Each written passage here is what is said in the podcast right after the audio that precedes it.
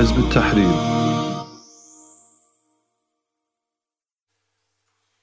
Jeg vil dele nogle ord med jer i forbindelse med det forsøg på statskup, som vi så og hørte om gennem medier, nyheder, for lidt over en uge siden i Tyskland. Når vi taler om kupforsøg, eller planer om kupforsøg, så det første, som vi måske vil tænke på rent geografisk, det er Afrika, det er Mellemøsten. Og det er fordi, vi er blevet vant til at høre om kupforsøg i de her geografiske områder, Afrika og Mellemøsten. Og det er det også forståeligt. Fordi befolkningerne i de her lande har mistet deres autoritet. Og de her lande er ikke uafhængige og selvbestemmende. De har et flag, de har en grundlov, men det er bare på papir. I virkeligheden, i praksis, så har det hverken et flag, der reelt repræsenterer den, eller en grundlov eller autoritet for den sags skyld. Hvad er så realiteten for de her lande? De her stater følger de vestlige stormagters ordre. Især USA og Storbritannien, og til dels også Frankrig, der konkurrerer indbyrdes over magten i de her lande. Og som resultat af den her kamp, den her internationale kamp mellem de her stormagter, kan der opstå militærkup og statskup. Ligesom vi så det i Sudan, hvor der er en kamp mellem USA og Storbritannien, der har ført til militærkup både i 2019 og 2021 senest. Og ligesom vi så det i Guinea, Guinea hvor der er en kamp mellem USA og Frankrig, og som førte til et militærkup senest i 2021 også. Og ligesom vi så kupforsøget i Tyrkiet i 2016, og eksemplerne er faktisk mange. Men at høre om kupforsøg eller planer om kupforsøg i Europa, i Tyskland, lande som er som udgangspunkt uafhængige, som er selvbestemmende, det er eller burde være lande, som har stabilitet, lande, som har et system, der afspejler deres folk. Der er harmoni. Er man uenig, ønsker man ændring af regeringen, så er, det, så er der et demokratisk proces. Der er valg, hvor folket har mulighed for at give deres mening. Dem, som har planer, de seneste planer i Tyskland, hvorfor valgte de ikke at deltage som et politisk parti i parlamentet og derfra prøve at komme på magten ved at vinde valget? Hvorfor så man ikke det her? Hvorfor gjorde de ikke det her? Når vi siger, at der er problemer med demokratiet her i Vesten, og folket mister tilliden til den, både højre og venstrefløjen, af forskellige grunde, så siger vi det ikke bare ud af det blå. Der er noget om sagen. Der er beviser. Der er beviser, der bare går op omkring det. Mange vil måske være overrasket over, at der har været planer om statskup i Europa, i Tyskland. Men vi er ikke overrasket. Vi er ikke overrasket. Det kommer ikke bag på os som en idé. Fordi vi har kendskab til de her problemer her i Vesten. De her reelle problemer er reelle systematisk. Der er reelle problemer her i Vesten med demokratiet, med systemet, og folkets opbakning til systemet og til demokratiet, den er dalende. Især i Tyskland hvor det tyske folk er kendt for deres tilbøjelighed til styre og magt. Det tyske folk er et militærfolk.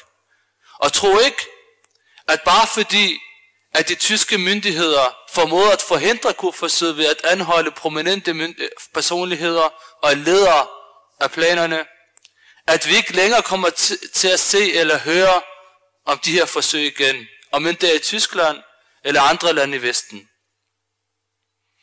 Det som vi har set med den seneste sag, det er bare en lille del af hvad der gemmer sig i samfundet. Netop fordi, at problemet i Vesten med systemet er voksende. Og de, og de her problemer vokser med dagene. Og mistilliden til demokratiet vokser igen for hver dag.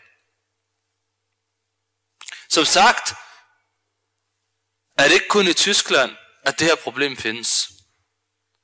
For bare to år siden, så vi alle sammen, hvad der skete i USA, da Biden vandt det amerikanske valg.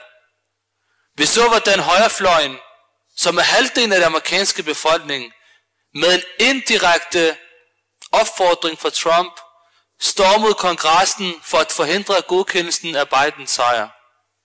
Og det var faktisk også et forsøg på statskup, det kunne man godt sige. De ønskede at forhindre regeringsskift. Og Biden var også hurtigt ude og sige, at indrigs, indrigsterrorisme er den største trussel, og hvide højre ekstremister er det farligste folk for USA. Nu tilbage til Tyskland. Alt det, mens hele verden havde øjnene rettet mod VM i Katar, så kom den her nyhed fra Tyskland om planer for statskup. Og det kom frem med det samme, at dem som stod bag de her planer om statskup, var medlemmer af Reichsbürgerbevægelsen. En bevægelse, som ikke anerkender den nuværende tyske stat og grundlov. De er imod demokratiet og ønsker en tysk kejserstat. Og officielt er der ca. 20-25.000 tilhængere i Tyskland af den her bevægelse. Hvad angår deres plan for statskup, så har den været meget alvorlig og seriøs. Det er ikke bare medierne, der har gjort sagen stor. Nej, sagen er alvorlig stor. Netop fordi, at de allerede havde formet en ny regering, som ville være klar, hvis kuppet lykkedes.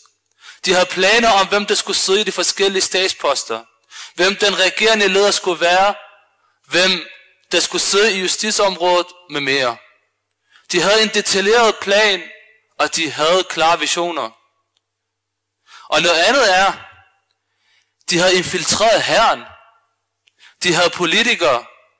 De har folk fra herren, fra de tyske elitestyrker og officerer fra den tyske reserve. De har planer om at genopbygge en tysk hær.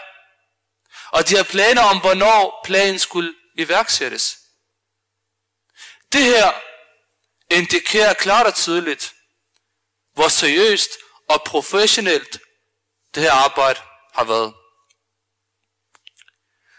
Og det her det er faktisk mere alvorligt end det vi så for to år siden i USA. Hvorfor? Fordi de ønskede et kup gennem militæret. Ikke gennem demonstranter, der stormer en statsbygning. Men det var gennem militæret. Og det er det altså alvorligt. De har forstået, at hvis de ønsker reel ændring, så skal det ikke gøres gennem det demokratiske proces, gennem styret, gennem systemet. Man ændrer ikke et system radikalt ved at deltage den, i den og bliver valgt demokratisk. De politikere, som er en del af det her system, er bare blandt og en del af det politiske spilleregler. Og det har de forstået. De politiske spilleregler vil stadig være gældende over for enhver, der deltager i systemet. Og derfor ændrer den, men ændrer ikke samfundet ved at, ved at deltage i det eksisterende system. Man ændrer den ved at fjerne systemet fra roen, udenom systemets spilleregler. Og det skal vi muslimer forstå. For når vi taler om samfundsændring, eller systemændring, så er det her meget, meget vigtigt at forstå. For nogle muslimer har desværre ikke forstået det her klart og tydeligt.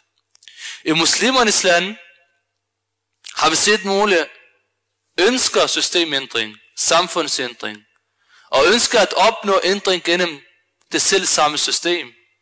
Gennem valg for eksempel, som vi så det i Ægypten. Og det endte med, at de druknede systemet selv, og de fik intet ud af det. Den her bevægelse i Tyskland har ingen tidligere erfaringer med statskup. Alligevel vidste de, hvordan de reelt skulle gøres.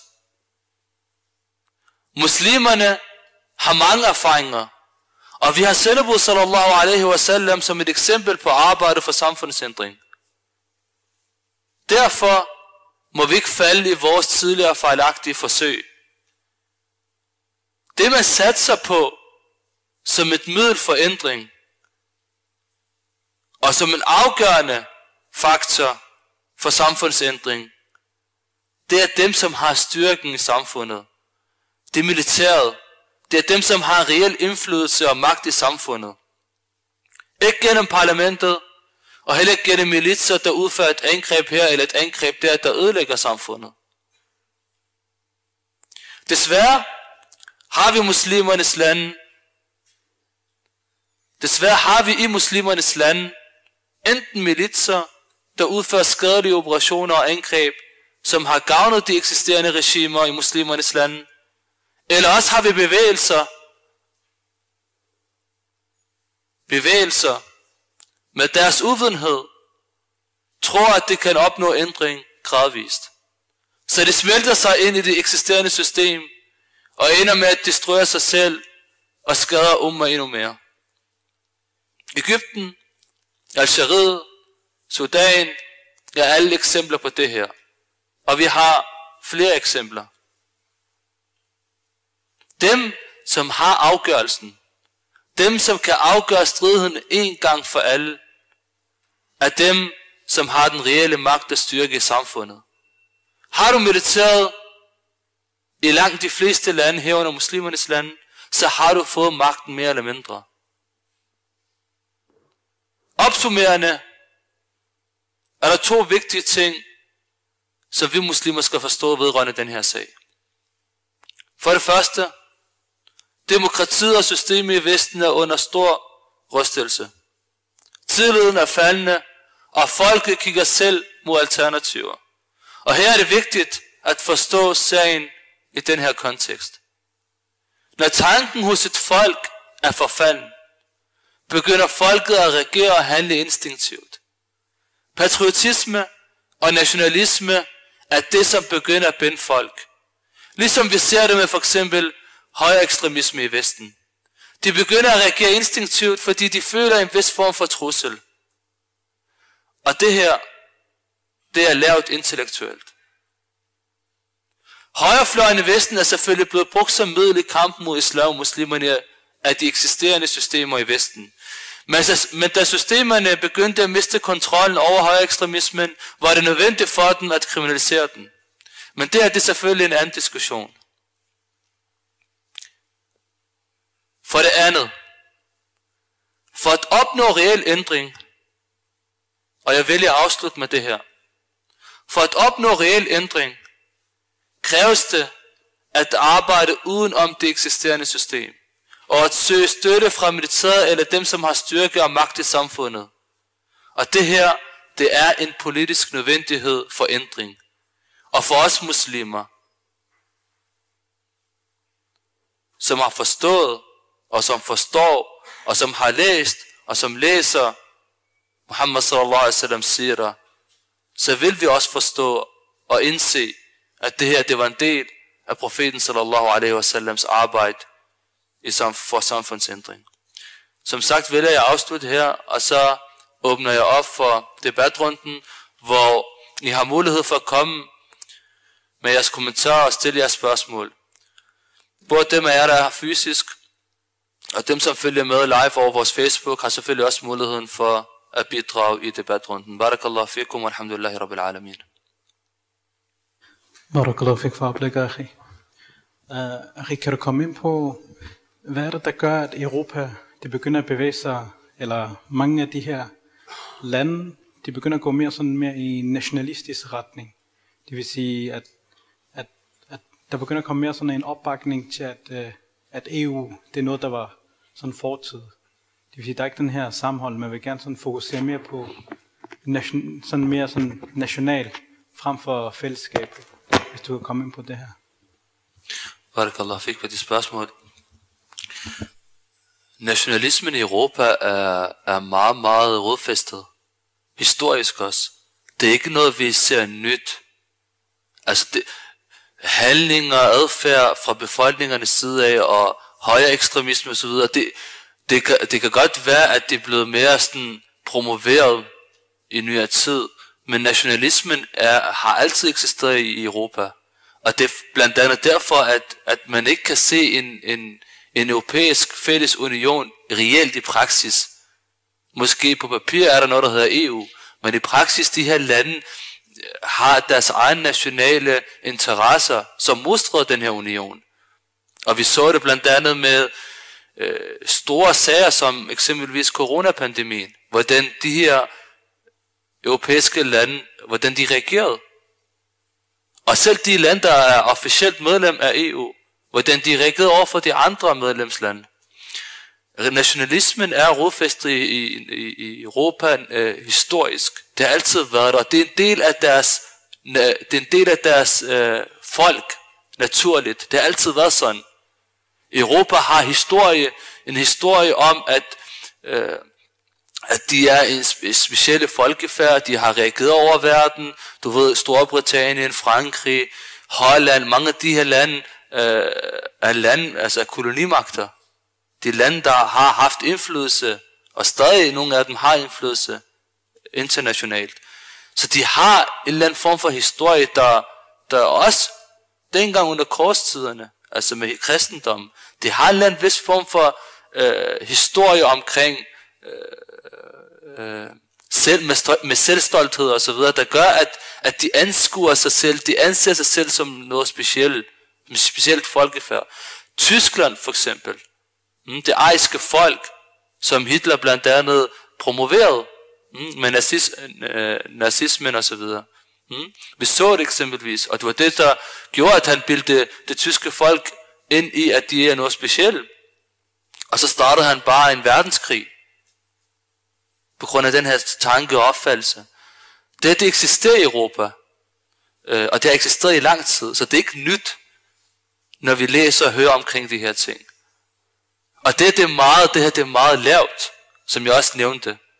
Den her form for, det her bånd, det er meget, meget lavt. Fordi det er ikke ideologisk, det er instinktivt. Så derfor ser vi også racisme. Derfor ser vi også, at de er imod øhm, flygtning. Når, når der kommer flygtning fra kriseramte områder, fra muslimernes land primært, så ser du, hvordan de behandler de her flygtninge, hvordan de anskuer dem, hvordan de anser dem. Og det er det ikke bare, når vi snakker om øh, nationalisme, eller, det er ikke bare hos øh, stater, det, det eksisterer i samfundene, altså hos befolkningerne. Og internt har vi mange eksempler, også dengang, da man talte om, at vi skal have en fælles øh, EU her. Mm, så kom diskussion omkring, hvem skal lede den? Hvem skal lede den? Vi så øh, lande, okay lad os have en fælles møntfod. Så så vi, hvordan nogle lande gik med til det, andre lande gik ikke med til det. Fælles valuta. Der er mange eksempler på det. Så Barakallah fik øh, til spørgen.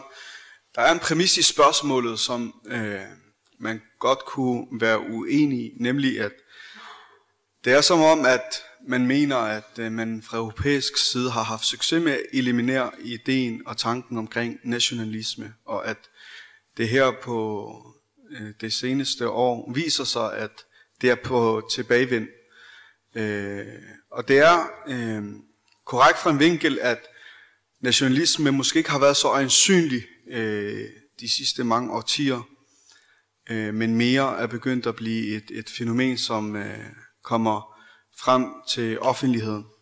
Og det har noget at gøre med, at, at det er klart, når, når der er kriser, og når der er pres, og når der er udfordringer, så, så det der, det viser sig, at, at øh, det, det, altså den illusion og narrativ om, at forenelsen på, øh, på tværs af grænserne øh, forbliver noget, som bistår på papir, og ikke noget, der bliver praktiseret i virkeligheden.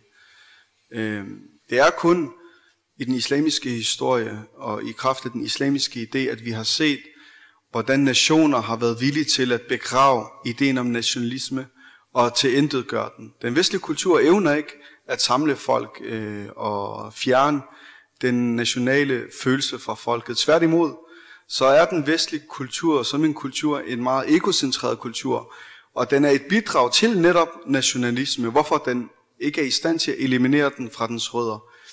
Det den kunne gøre, det var at dække over den ved at øh, snakke om en endnu større og endnu mere farlig fjende. Og, og det er faktisk det, den europæiske øh, union handler om. Den handler ikke om, at vi skal stå sammen som hollænder og franskmænd og øh, hvad hedder det, tyskere, øh, for at stå sammen, fordi vi er et fællesskab. Den handler om, at vi bliver nødt til at holde sammen som en Europa, fordi verden derude øh, er en fjende af Europa og en modpol til, hvad der findes øh, på det europæiske kontinent. Det vil sige, at eksistensen af en større fjende er grundlaget for forenelsen. Ikke tanken, ikke synet, men en ekstern fjende. Og i det øjeblik, hvor at øh, øh, kriser øh, og hvad hedder det, udfordringer rammer, så ser vi, hvordan det smuldrer. Og, og det er i virkeligheden en forklaring. Og vi nævner også i, hvad hedder det, How Khilafah was destroyed, der nævner vi, at var det ikke fordi, at man blandt europæerne havde en, en interessekonflikt om, hvordan man vil dele øh, byttet, og hvordan man ville øh, dele ressourcerne i Mellemøsten, så var, så var Khilafah faldet lang tid før. Men deres interessekonflikt dengang, selv da de nedlagde øh, muslimernes stat og skjold, så var det det, der gjorde, at staten i virkeligheden fortsat i, no, i nogle år endnu.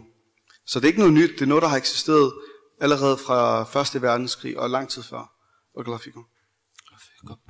Jeg tager lidt spørgsmål her fra skriftligt spørgsmål fra en søster, der spørger, hvad har gjort, at befolkningen i Tyskland har fået så stor mistillid til systemet, skråstrej regeringen, at de ønsker en så radikal ændring? For at besvare deres spørgsmål, øh, udover Tyskland, altså vi siger hele Vesten, Europa, hele Vesten, oplever man mistillid til systemet, mistillid til demokratiet. Og Tyskland er en del af det her. Altså når vi ser, når vi ser store sager eller små sager, der beviser klart og tydeligt mm, systemets manglende, manglende øh, evne til at løse samfundsproblemer, så skaber det tanker hos folket. Når vi ser løgn og løftebrud blandt politikere, der lover det ene og det andet, og man prøver gang på gang at udskifte de her politikere med andre inden for det samme system, så vækker det tanker hos folket om, at jamen, så må problemet være dybere end som så. Så er det ikke bare ansigt, der sætter ud systemet. Når vi ser, og befolkningerne med tiden får bevidsthed, får en eller anden form for bevidsthed, det vokser hos dem, at demokratiet er faktisk en stor løgn. Og det er ikke spørgsmål omkring, at det er reelt folket, der styrer, men det er en, en, en bestemt elite i samfundet, en magtelite i samfundet, der reelt har noget at sige, der favoriserer sig selv og styrer med deres interesser for at varetage deres interesser, og ikke folket. Så vækker de her ting tanker hos folk. Og Tyskland er jo en del af, af Vesten, og en del af Europa. Og en del af den her politiske genskærning. Og deres folk er en del af den her politiske genskærning. Og det er selvfølgelig ud over, at specifikt Tyskland, at den her gruppe blandt andet, og ikke bare den her gruppe, for det sagen er jo ikke spørgsmål omkring en gruppe mod systemet eller regeringen. Det er folk. Det folk der, det er, det afspejler en eller anden form for øh, ønske eller mening hos i hvert fald en, en stor del af folket mm, i Vesten og i Tyskland, og selv i USA. Og at de anser sig selv som, som nogen, der, der har andre visioner i forhold til, hvordan det tyske, for, øh, det tyske, den tyske stat skal se ud. Nu for eksempel, de mente jo, at vi skal tilbage til kejseriet, og vi anerkender ikke den tyske stat og den her grundlov og så videre. Så det kan godt være, at de har nogle bestemte agendaer, men det som vi skal rette fokus hen imod, det er folket. Det er folket, der kan indse, at der er problemer med demokratiet. Og alle de her økonomiske kriser og energikriser og med coronapandemien og de her sager er med til at vække tanker hos, hos folket. Især når vi ser, hvordan systemet agerer, og deres manglende evne til at løse de her problemer. Men tværtimod, systemet er med til at, at skabe de her problemer. Der er endnu et spørgsmål fra en bror skriftligt. Assalamu alaikum wa rahmatullahi wa barakatuh. Wa alaikum salam wa rahmatullahi wa barakatuh. Tak for et godt oplæg. At ting i USA og Tyskland to store giganter på kortet har meget uro indrigs. Kan det ændre Vesten rent ideologisk ude i fremtiden? Se. Vesten har ikke et alternativ. Vesten har ikke, kan ikke præsentere et nyt budskab, en ny idé som alternativ til det, der eksisterer i dag. Og det er derfor, vi ser, det er derfor, vi ser at der ikke, altså vi ser uro, vi ser øh, behov for alternativ, men vi ser ikke, vi ser ikke i praksis noget, der øh, sker, altså alternativt, at der sker noget alternativt. Fordi Vesten har det ikke. Det eneste, der har et reelt alternativ, det eneste, der har det, det er den islamiske umma. Det er muslimerne. Muslimerne har et budskab, muslimerne har en idé, som er islam, som en ideologi, politisk alternativ til hele verden. Ikke bare til muslimernes land, men til hele verden, fordi det her budskab, det er et budskab til hele verden. Det eneste, der reelt kan præsentere en løsning for de kriser, som hele verden bevidner i dag, og som hele verden drukner i, det er islam. Islam har fundamental, grundlæggende, radikal ændring, alternativ til ændring. Og ikke, og ikke gradvis eller midlertidig udskiftninger her og der. Nej, islam har en politisk, har et politisk alternativ til hele verden. Så når spørgeren spørger i forhold til, om der kan ske noget i fremtiden, hvor det er med til at ændre Vesten rent ideologisk. Det eneste det er, det er, når islam kommer til de her lande. Når islam kommer til Vesten. Så kan vi se, så vil der ske ændring, radikal, reel ændring, og ikke før. Assalamu alaikum. Barakallahu fik. Um, jeg kom i tanke om uh, en, en samtale, jeg havde med en kollega for et stykke tid siden, uh, i forbindelse med demokrati. Og han sagde noget, som mange fortalere for demokratiet plejer at sige ofte. Og det er, at det er det bedste af det værste. Og det er, at det er, uh, det er, en, det er, en, en, det er et forsøg på at nå til det bedste, man kan nå til øh, gennem et, et menneskeligt, øh, menneskeligt system.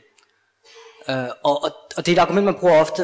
Det er det, er det bedste og det værste, og der findes ikke noget bedre end det her. Og, og at den vestlige verden øh, gennem de sidste par hundrede år har udviklet sig i fremgang. Det vil sige, har, har gået igennem fremgang og, øh, og er blevet bedre og bedre i dens værdier og dens systemer osv. Men begivenheder som, det her, som de her begivenheder, som, som du nævner, øh, den her begivenhed i Tyskland, eller det der, det der er foregået i USA, eller det vi ser generelt i den vestlige verden, det er, at de selv samme principper og værdier, som man siger, at det er det, som vi mener er det bedste af det værste, demokrati og friheder og, og hele den her tankegang, man har etableret i den vestlige verden, den, den her ideologi, man er begyndt, folket er begyndt at få mistillid til, til de samme principper og de samme værdier. Det betyder i virkeligheden, og ikke glem folket, øh, lederne og eliten i de her nationer her, er at gå på kompromis og ødelægger de selv samme principper og værdier. Det betyder med andre ord, det var ikke det bedste eller det værste. Det er i virkeligheden et, et eksperiment, som, har, som har vist sig at fejle. Det, du, det har ikke været en fremgang. Tværtimod, nu går du tilbage igen og begynder at øh, få mistillid til de principper, og begynder at adoptere principper i nogle steder, som du tidligere anså som værende øh, forbudte og forkerte.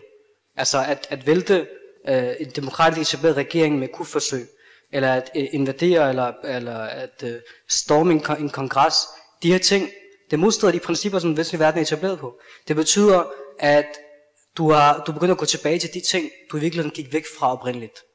Så det er ikke fremgang, øh, som de har oplevet i den vestlige verden. Det er, det er et eksperiment, der har varet nogle få hundrede år. Og det man ser nu i den hele den vestlige verden, det er, det er, det er sammenbrud.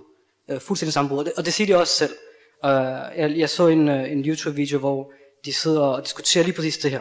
Det er, det er den her tendens i den vestlige verden, som du også kom ind på, med, med populisme og højere, højreorienteret øh, fremgang for, i forhold til højrefløjen. Og han nævnte lige præcis, at det er fordi, at generelt den vestlige verden, dens værdier og dens, øh, de principper, den blev etableret på, der er mistillid til dem, og det, det, er, det er et sammenbrud. Så det er bare for at sige, at når man siger, at demokratiet er det bedste og det værste, og vi har været, vi har været i fremgang, øh, det er i virkeligheden øh, indbilsk. Det passer nemlig ikke.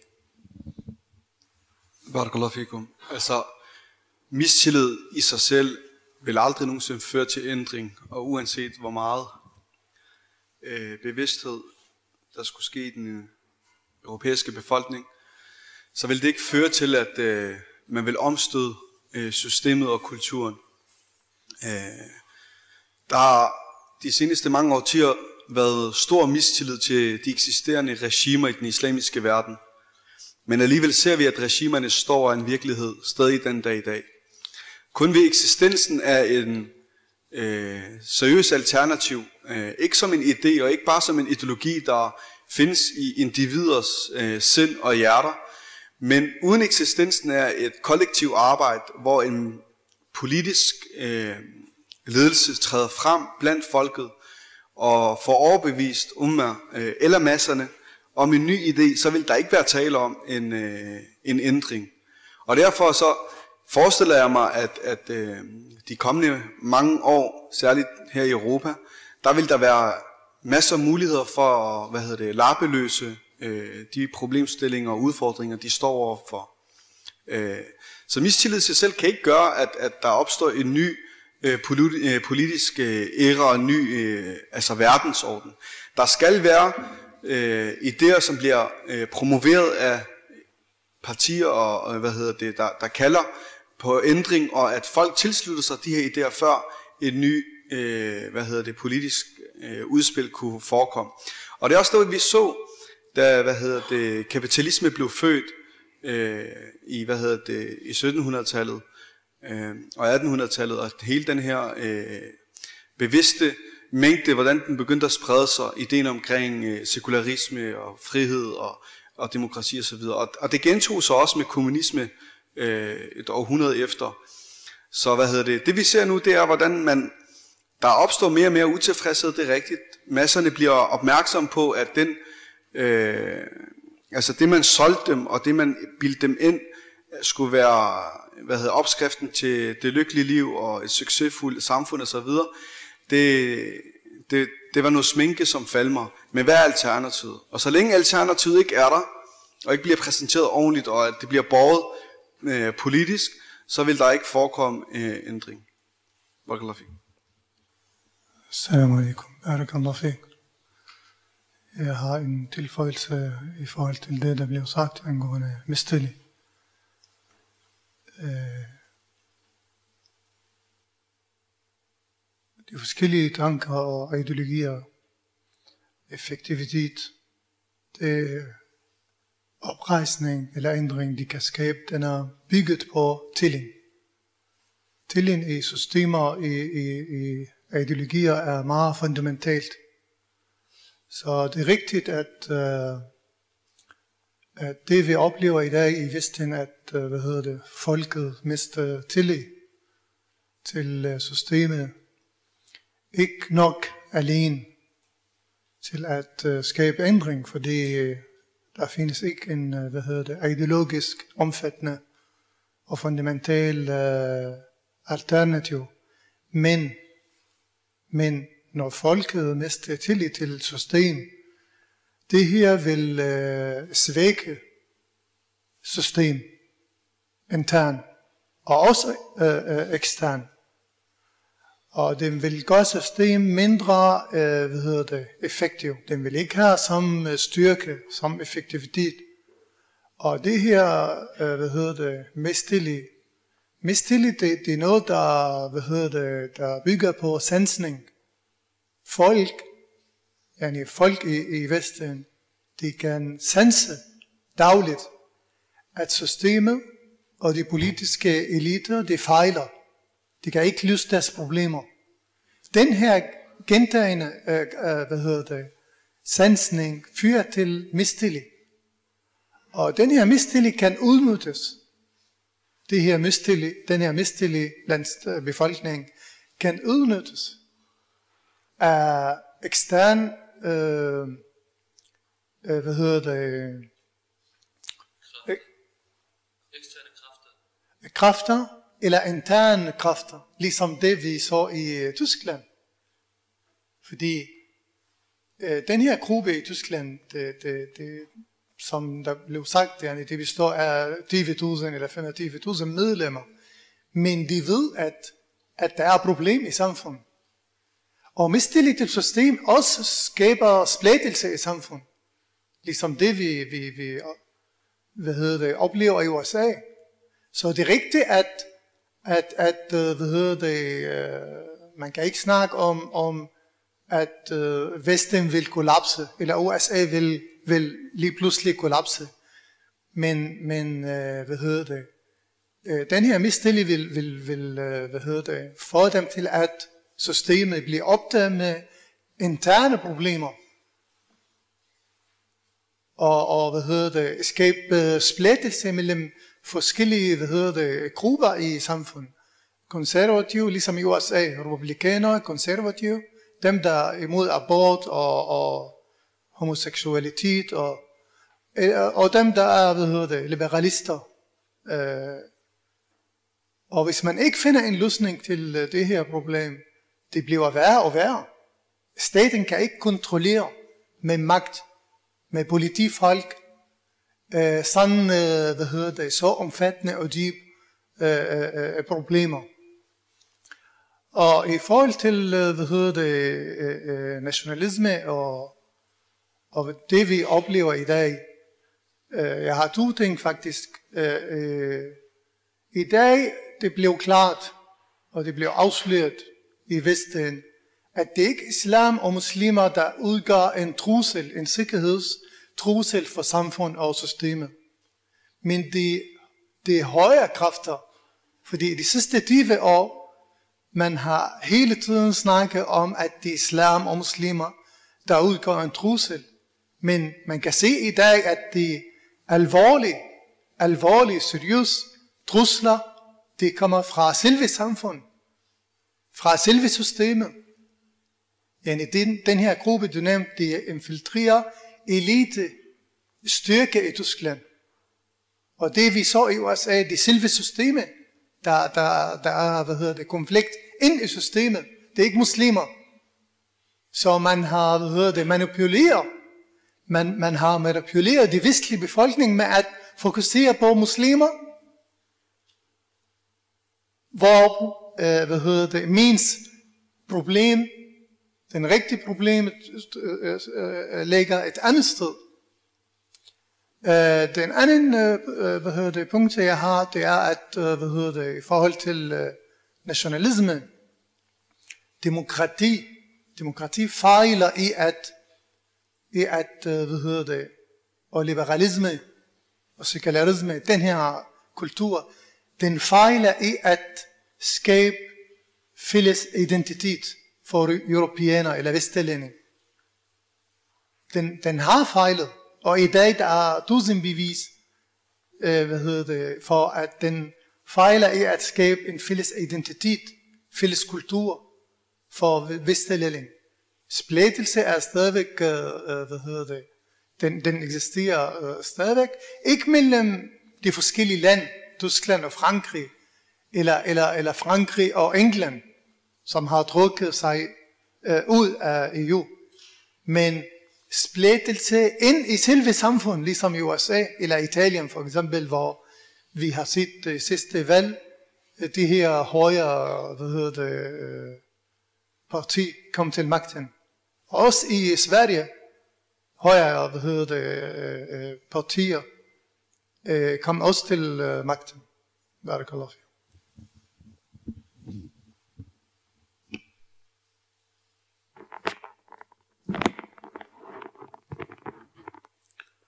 Barakallah fik, Achim, for din kommentar. Det er faktisk øh, de to sidste pointer, du fremhævede. Det var faktisk noget, mening var, at jeg skulle nævne det, for jeg ikke har nævnt det, men øh, det er faktisk øh, øh meget sigende, at, at de konstant, og de gør det selvfølgelig stadig, fremhæver islam som en trussel for deres samfund og for Vesten. Selvom islam i virkeligheden er en barmhjertighed for den. Og så kommer det her frem lige pludselig. Og Bidens egen udtalelse, da det er sket i USA for to år siden, viser jo, når han selv siger, deres egen politikere, deres egen statsledere fremhæver selv, at den største trussel for deres interne sikkerhed, det er øh, højere ekstremisme. Det er deres egen befolkning og